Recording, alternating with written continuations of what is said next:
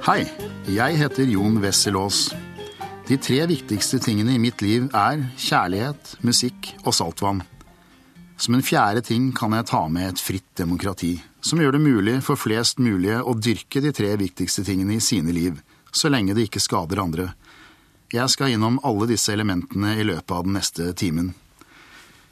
Min første sommer var i 1967, også kalt The Summer of Love. Jeg liker jo å tro at det har preget meg, selv om jeg den gang selvfølgelig var like glad med hva som foregikk utenfor mine nærmeste omgivelser akkurat der og da.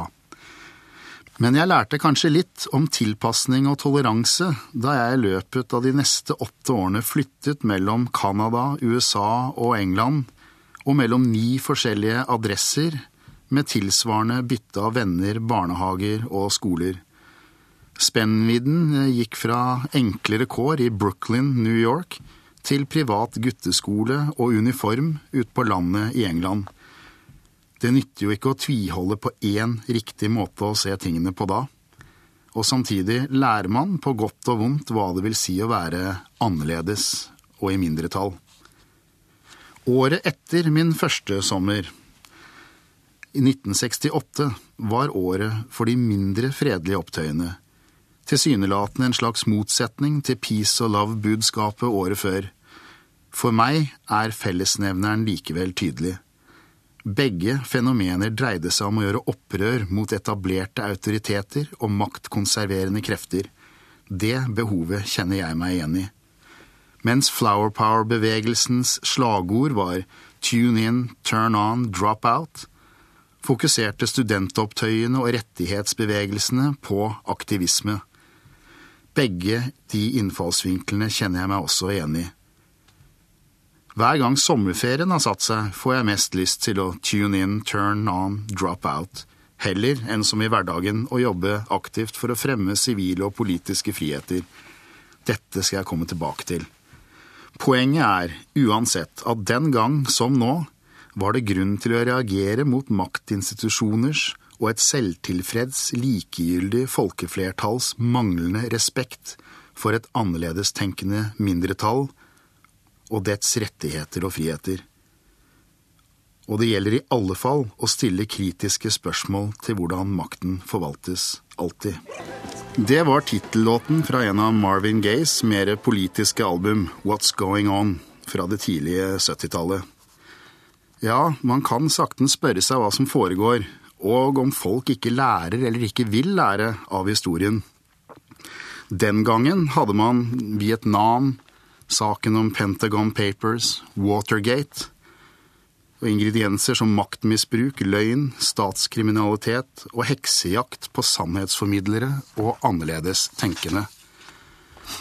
I dag har vi Irak og Afghanistan, vi har Wikileaks, vi har Guantánamo og Abu Ghraib. Og også her har vi sett maktmisbruk, løgn, statskriminalitet, heksejakt på sannhetsformidlere og annerledes tenkende. I dag leser vi om det som skjedde den gang, eller vi ser filmer om det, og er stort sett enige om at slik går det jo ikke an for myndigheter å te seg. Men når ganske parallelle ting skjer rundt og blant oss i dag, som nå, i kampen mot terror, kan det virke som om det store flertallet igjen og igjen fornekter at de samme tingene skjer. Budbringerne som avslører myndighetsmisbruk og statskriminalitet, blir uglesett og i verste fall forfulgt, mens de som er ansvarlige for ulovlighetene og overgrepene som avsløres, stort sett får fortsette som om intet har skjedd. Når folk flest fornekter sånt, får de selvsagt god hjelp fra myndighetene, som begår feilene og overgrepene, som fòrer dem med omdefinerende og unnvikende retorikk, fortielser og i verste fall regelrett løgn. Kjernen i det hele her er jo maktkamp. Og i et demokrati er flertallet i utgangspunktet på maktens side. Makten er jo valgt av flertallet. Det er derfor de sivile og politiske rettighetene er så uendelig viktige i et demokrati. De er opposisjonens, mindretallets, de annerledestenkende eneste middel for å hindre at flertallsmakten blir total, og i ytterste konsekvens totalitær. Dette er jeg brennende engasjert i. Det er derfor jeg reagerer på de minste tegn til utilbørlige innskrenkninger i rettigheter som ytringsfrihet, tankefrihet, personvern eller organisasjonsfrihet, og rettssikkerhet generelt. Fordi vi vet jo hva som kan skje hvis man oppgir disse frihetene. Og er vi ikke årvåkne, så forvitrer demokratiet umerkelig og over tid, som vår skanse mot det totalitære og stiller samfunnet laglig til for en ambush in the night, som Bob Marley and The Wailers sang om. I vinter var jeg hos det arabiske svaret på BBC, Al-Shazera i Qatar, for å forelese om pressefrihet i møte med kampen mot terror. Der møtte jeg annet den nå verdenskjente Al-Shazera-journalisten Sami El-Haji. En nærmere to meter høy sudaneser og en mild mann som aldri har gjort en flue fortred. Han var en av de første fangene på Guantánamo. Han ble tatt på grensen mellom Pakistan og Afghanistan kort tid etter 11. september 2001, mens han var på jobb for Al-Shazera. Tatt og bortført til den andre siden av jordkloden og fengslet i Guantánamo i mer enn seks år, uten siktelse eller fremstilling for noen domstol med kone og barn forlatt alene hjemme i Sudan. Av internasjonalt press ble han satt fri i 2008. Man kunne bli terrorist av mindre. Men El Haji fremstår likevel ikke som noen bitter mann. I dag leder han menneskerettsredaksjonen i Al-Shazera. Han er nok et av de sjeldnere tilfellene. Sånt blir man ydmyk av. For hva tror folk at det gjør med et gjennomsnittsmenneske og med en familie. Hvordan kan det forsvares, og hva med alle de andre uskyldige ofrene for vår allianses eklatante brudd på alle rettsstatsprinsipper, de som ikke kom fra det i live eller med familien og helsen i behold? Jeg velger å tro at om flere folk hadde truffet ofrene for denne statskriminaliteten, som Norge i alle fall ved passivitet har vært medvirkende til, så ville flere reagere. Det er oss rett og slett ikke verdig som demokrati å være medvirkende til slikt. Nå tror jeg ikke at enkeltpersonene blant flertallet har som bevisst strategi å innskrenke de demokratiske frihetene til mindretallet, eller at de støtter maktovergrep som begås mot uskyldige i eksempel kampen mot terror. Men når det gjelder innskrenkningene i frihetene, er det jo slik at de sjelden presenteres på den måten når de skal selges inn fra politikerne. Da heter det eksempel tiltak mot kriminalitet eller tetting av et hull i lovverket og lignende ting. Og som regel høres det ofte ut som noe positivt, og i alle fall ikke som noe som har med grunnlaget for demokratiet å gjøre. Dette dreier seg ikke om ytringsfrihet eller personvern, sier man. Det dreier seg om å bekjempe terror, eller det er bare terroristenes frihet som begrenses, sier man. Og det er jo lett å kjøpe den. Fordi det er noen andres rettigheter som innskrenkes, ikke våre, tror vi. Og det skader jo ikke demokratiet, det fungerer jo fint for flertallet. Det er dessverre en feilslutning, og i morgen tilhører man kanskje selv mindretallet, enten politisk eller som den som blir utsatt for vilkårlige myndighetsinngrep uten god nok rettssikkerhet. Det begynner, som med så mye annet her hjemme, vi må hegne om rettsstatens og demokratiets verdier, og ikke tro at den urett som rammer andre, ikke kan ramme oss selv. Se bare på hva økonomisk krise kan føre til i enkelte europeiske land for tiden. Her hjemme diskuterer vi å kriminalisere tiggere på gaten mens den groveste kriminaliteten i verden, statskriminaliteten, ikke bare overser vi, vi gir den villig bedre kår ved å innskrenke de frihetene som skal beskytte oss mot den. Ja, det var Jill Scott Heron og Did You Hear What They Said? Men nå er det sommerferie og agurktid, som vi sier, med henvisning til at folk og media her hjemme nærmest tar en pause fra det som er vesentlig. Jeg skal også bidra til det her ved å gå over til å snakke litt om både vesentlige agurker, saltvann, musikk, og om hvorfor jeg vurderer å melde meg ut av samfunnsdebatten hver sommer, men likevel ikke gjør det. Jeg trenger agurktid selv, og er takknemlig for at jeg har mulighet til å ha det. I hverdagen bruker jeg musikken som en viktig avkobler. Du ser meg f.eks. sjelden på vei til eller fra kontoret eller på andre transportetapper uten store, gode hodetelefoner på. Om vinteren fungerer de for øvrig også godt som ørevarmere. Det er meditasjon i de små pausene, musikk som fyller hodet mens jeg sykler. Litt trafikkfarlig, sikkert, men da sykler jeg heller rolig, i samme tempo som musikken. Det var litt cool meditation med gruppen Third World, og du lytter fortsatt på Sommer i P2, eh, og jeg heter Jon Wessel Aas. Eh, så var det agurkene, da. Vi er en familie på fem, der mor, altså min kone, er dansk. I ti år har vi hatt sommerhus i Danmark, på den jyske vestkysten, hvor vestenvinden og atlanterhavsbølgene møter endeløse sandstrender. Der er vi i nesten alle ferier året rundt.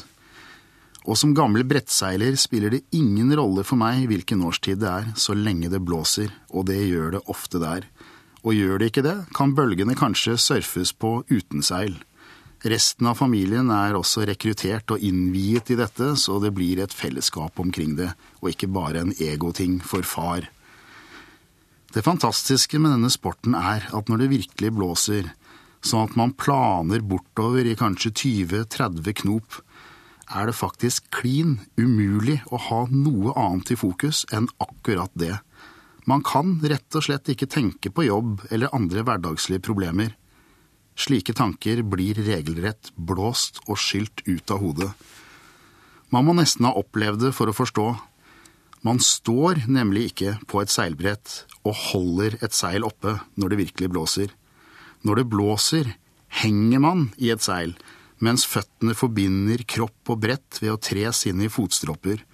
Brett, kropp og rigg blir i ett. Brettet berører knapt vannet, men spretter bortover oppå vannet, og det hele foregår altså i hastigheter som kan måle seg med de fleste vanlige hurtigbåter.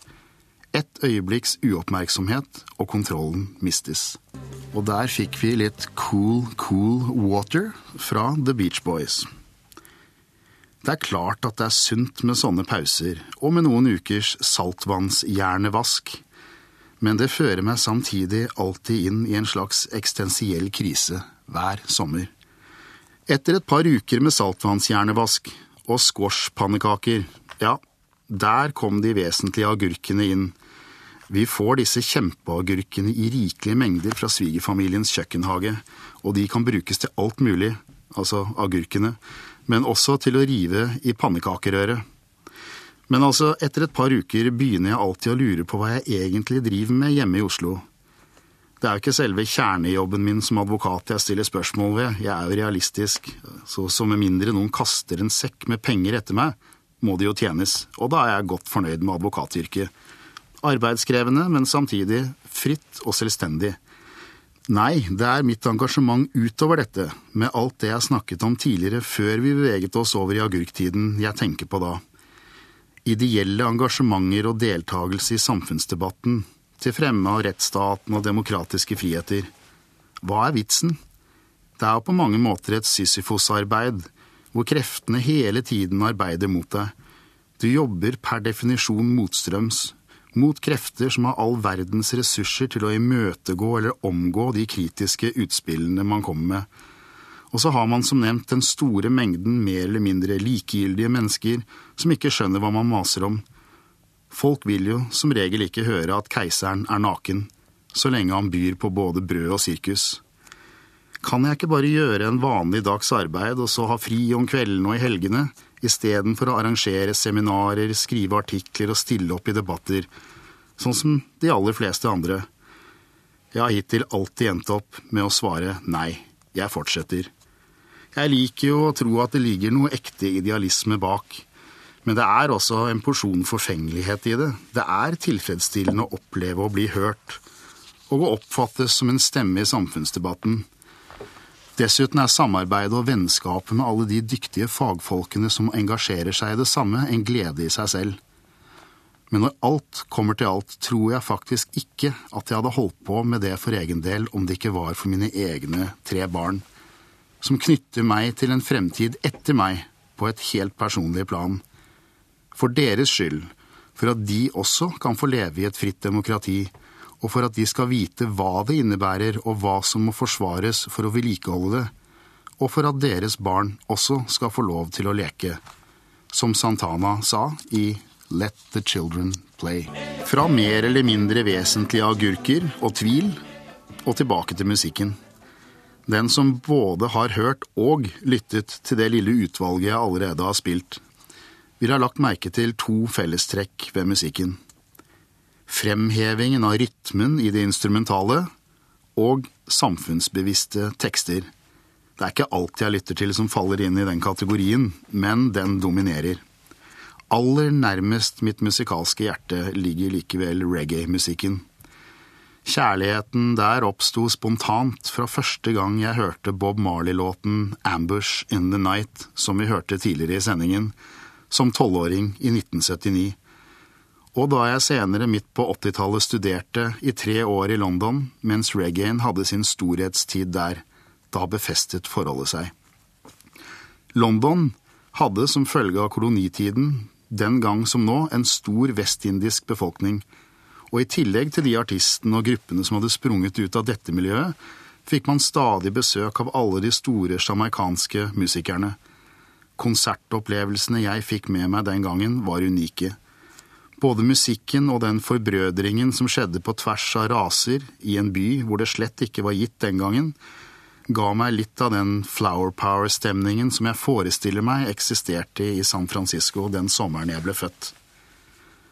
Marley selv sang om musikk at One good thing about music, when it hits, you feel no pain. Og med det siktet han blant annet til musikk som et kraftig, men ikke dødelig våpen. Det syns jeg var godt sagt. Man kan forsøke å forandre verden gjennom akademisk og politisk debatt, men kunst i alle former har nok spilt en vel så viktig rolle historisk, ikke minst med hensyn til å få med seg de bredere massene. Reggae er en sjanger hvor musikken i stor grad er blitt brukt til å uttrykke protest mot maktmisbruk og undertrykkelse, ofte i ganske militante former men også i former som utelukkende appellerer til fred og håp, som i denne forsonende appellen i 1983, fremført av gruppen Aswad fra bydelen Hansworth i London, hvor man akkurat da hadde opplevd noen år med voldsomme raseopptøyer og motsetninger. Cool Runnings in a West 11 Area. En annen grunn til at reggae-musikken har kapret mitt hjerte, har bokstavelig talt med hjertet å gjøre. Jeg vet ikke om mange reflekterer over det, men innenfor populærmusikken ligger tempo, altså antall slag i minuttet, som regel langt over en normal hvilepuls. Reggae er en av de få sjangre hvor tempo nærmer seg hvilepulsen. Det tar jeg som en forklaring på hvorfor jeg søker til den for å finne roen. Men bortsett fra det poenget er jeg også evig fascinert av rytmer, og reggae er en sjanger som dyrker rytmen. Bassen er eksempel så essensiell i reggae at bestemte bassganger er gitt egne navn, og de anses som en del av den felles kulturarven. Ingen hevder opphavsrett til en bassgang der, de kan gjenbrukes fritt. Jeg fusker litt i basspillingsfaget selv, som ren amatør, men å spille bass til reggae gjør at man blir mye mer bevisst hvilken rolle den har i musikken, og hvordan rytmene og musikken for øvrig bygges opp rundt bassen, samtidig som den selv bukter seg mellom de andre instrumentene som en hypnotiserende slange. I bunn, og gjerne noen hundredels sekunder bakpå, for nærmest å holde igjen tempoet litt. Hvilepulsen. En annen London-basert sjamaikaner, reggae-poeten Linton Quasey Johnson, som også hadde sin storhetstid den gang jeg bodde der, har forsøkt å beskrive noe av magien i låten Reggae Sounds. Nå går min time her i P2 mot slutten, og sommerferien overtar. Som dere ville ha fått med dere, bor det altså en liten beachboy i meg også. Mer i sjel enn i kropp med årene, riktignok, selv om han fortsatt våkner til live når seilbrettet bæres bortover og av og til over bølgene av en vestjysk kuling jeg håper på mange slike dager i sommer. I mellomtiden ønsker jeg dere alle en riktig god sommer og håper at dere vil merke solens varme stråler idet jeg lar The Beach Boys avrunde sendingen med The Warmth of the Sun.